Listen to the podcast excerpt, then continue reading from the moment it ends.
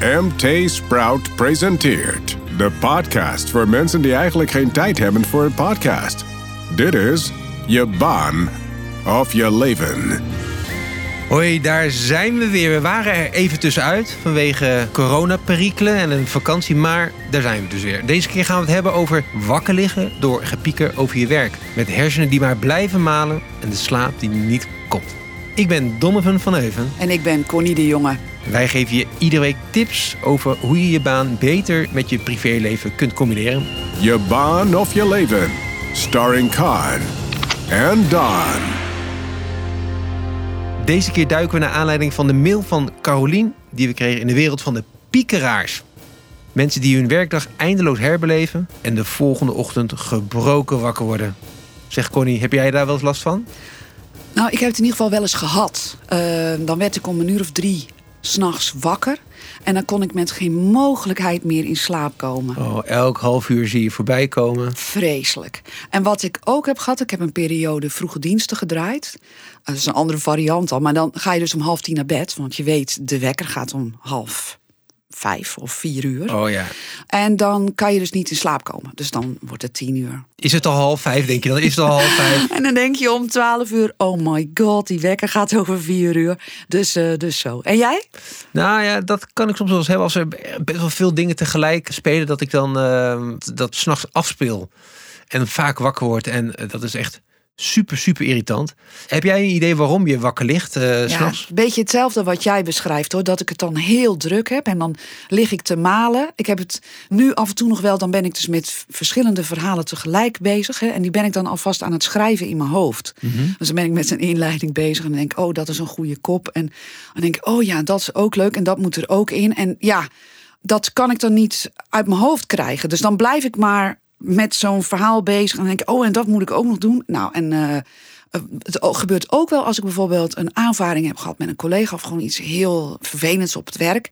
Dat je dat ligt her te beleven en denkt. Uh, ja, hoe ga ik daar nou morgen, weet je wel, ga ik dan uh, ga ik een gesprekje aan of zal ik het maar laten gaan, weet je zo. Dus daar kan je wel over liggen piekeren. Ja, straks krijgen we natuurlijk uh, tips hoe daarmee uh, mee, mee om te gaan. Nou, als je gaat even terug naar, naar jouw slapeloze nachten, je lijkt me nou niet echt een type die dan een lekkere warme beker melk voor, voor jezelf nee, klaarmaakt. Dat, dat, haat ik, warme melk. Oh, lekker man, die, die velletjes eraf halen. Heerlijk. Gat, zie daar. Nee, meestal sta ik gewoon op. Uiteindelijk, ook al is het midden in de nacht. En dan ga ik lezen in de woonkamer. Daar is het dan best wel koud. Want oh. die verwarming die is natuurlijk op de nachtstand. Ja. En dan heb ik zo zeg maar drie kwartier zitten lezen. En dan ben ik meestal een beetje zo, uh, zo koud. En dan ga ik terug naar bed. En dan is dat bed zo lekker warm. dat het dan meestal wel lukt om in slaap te vallen. Dat is eigenlijk mijn, mijn truc. Oh, je moet eerst koud krijgen voordat je in slaap valt. Dus Ja. misschien moet je voor daar gewoon huppakee, in je pyjama een rondje buiten lopen. En dan... Nou, ik weet niet of dat, of dat de tips zijn die we straks allemaal kunnen gaan delen. Ehm, straks meer. And what zeggen de experts?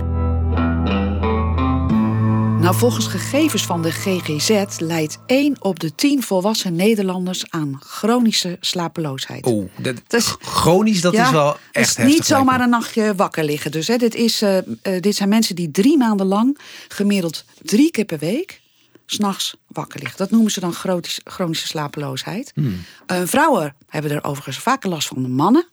En er kwam ook nog een Amerikaans onderzoek tegen dat zegt dat 66% van de mensen wel eens wakker ligt als gevolg van stress door het werk. Want ja, Oh. je kunt natuurlijk wel wakker liggen, maar echt als oorzaak is dan stress door het werk. Dat vond ik eigenlijk ook wel angstaanjagend Ja, hoog cijfer. ja, pittig, zeker omdat het natuurlijk ook niet zonder gevolgen blijft. Nee, nee, want eh, je, je humeur wordt er natuurlijk niet beter van als je voortdurend te weinig slaapt. Nee. Eh, mensen zijn vaak prikkelbaar. En ja, moet je voorstellen dat je chef slapeloze nacht achter de rug heeft of meerdere.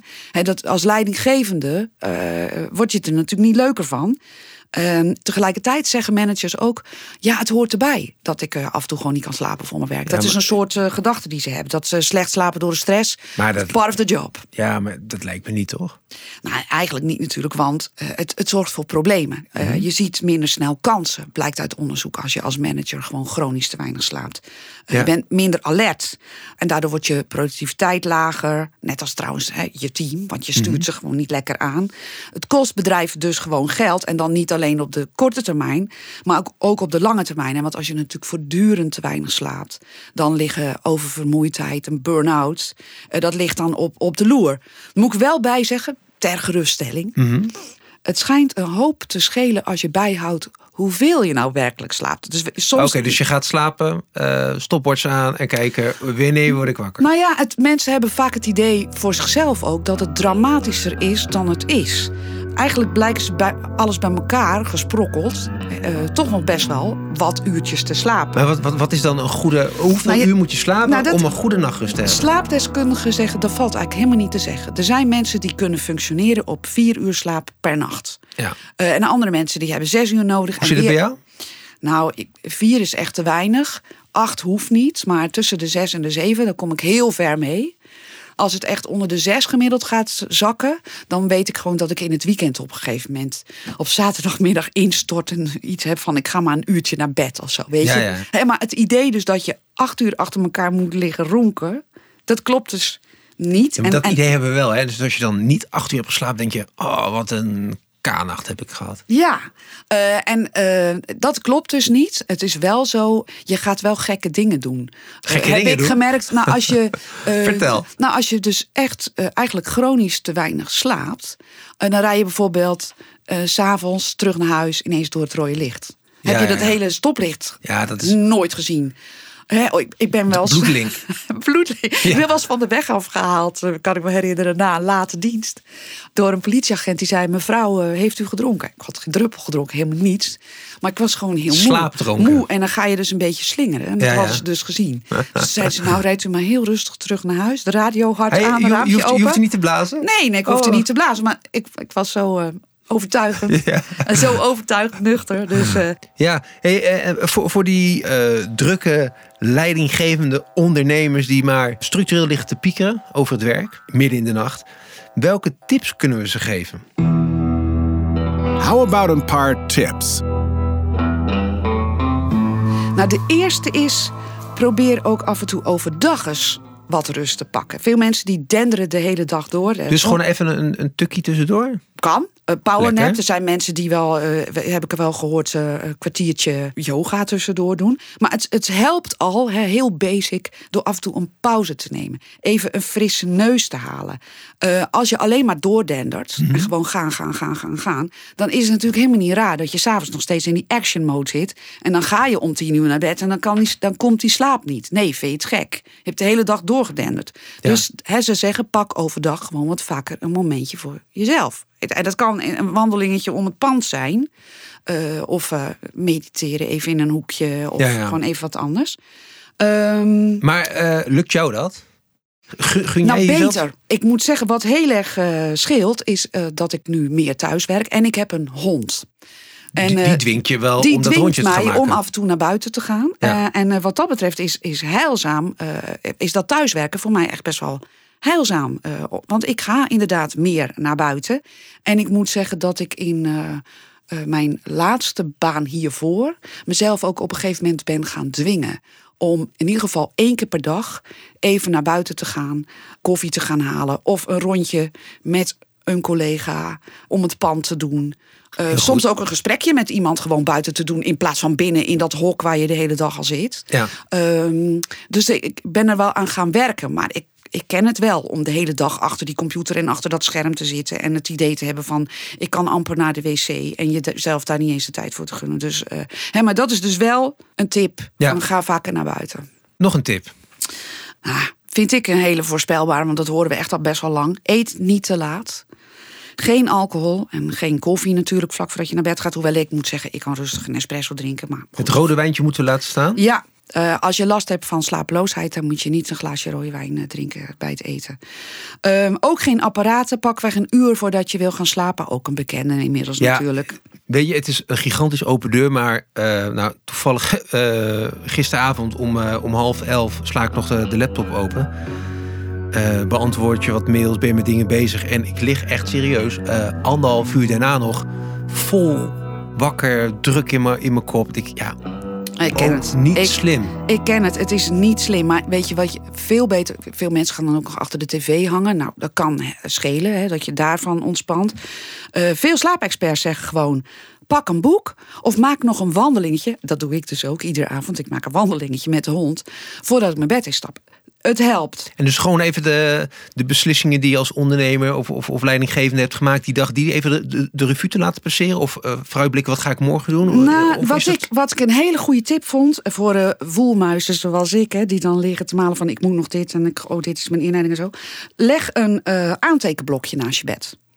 Voor al die ideeën Mhm. die naar boven komen. Nou, die inleiding die ik dan aan het schrijven ben. Oké, schrijf hem dan maar even op. En dan kun je daarna slapen. Eh, wat zij ook adviseren is. Weet je, eh, weet je wat ik dan doe? Eh, want ik heb, het- ik heb Ja, het ook het eens in je telefoon In mijn zeker. telefoon. Ja, maar dat Vol het licht in je, in je gezicht. Nee, dat En- schijnt dus heel slecht te En dan zijn. denk ik, hé, LinkedIn even kijken. ja, Gewoon heel waardeloos. ouderwets Ja. opschrijfblokje. Wat ze ook zeggen is, ehm, hou een to-do-lijstje bij. Zeg maar als je aan het werk bent. Dus aan het eind van je dag. Oh Schrijf nee, dan, nog, schrijf een, dan- nog een to-do-list. Ja, maar deze is, zeggen zij, als je wil slapen. Ja, ja. eh, schrijf voor jezelf op. Oké, dit moet ik morgen regelen. Schrijf het op. Dan lig je het niet s'nachts nog te bedenken van... oh, dit mag, ik niet, dit mag ik niet vergeten, dit mag ik niet vergeten. Schrijf Ja. dat in ieder geval op. Klap dan je computer dicht en dan begint je avond. Dat is hun tip. Wat ik ook wel een goede eh, vond is... eh, hou een dagboek bij als het gaat om piekeren, lastige gesprekken. Eh, schrijf dat even van je af. Dat schijnt ook te helpen. Nog meer administratie. Want hoe, hoe, hoe, eh, hoe, hoe moet ik me voorstellen? Eh, lief dagboek en dan gewoon... eh, ik zit ergens mee en ik... ik, ik- Nee, dat is maar hoe je het wil. Natuurlijk, je kunt volgens mij ook gewoon twee bullet points. Eh, ik had een, eh beetje een flinke aanvaring met Connie op de redactie. Morgen even op terugkomen. Klaar. Ja, ja. Of voor jezelf van eh, dit heb ik gezegd, dat heb ik gezegd, dat heb ik gezegd, dat heb ik niet gezegd. Misschien moet ik daar nog op terugkomen. Ja, het is natuurlijk maar hoeveel werk je van je dagboek wil maken.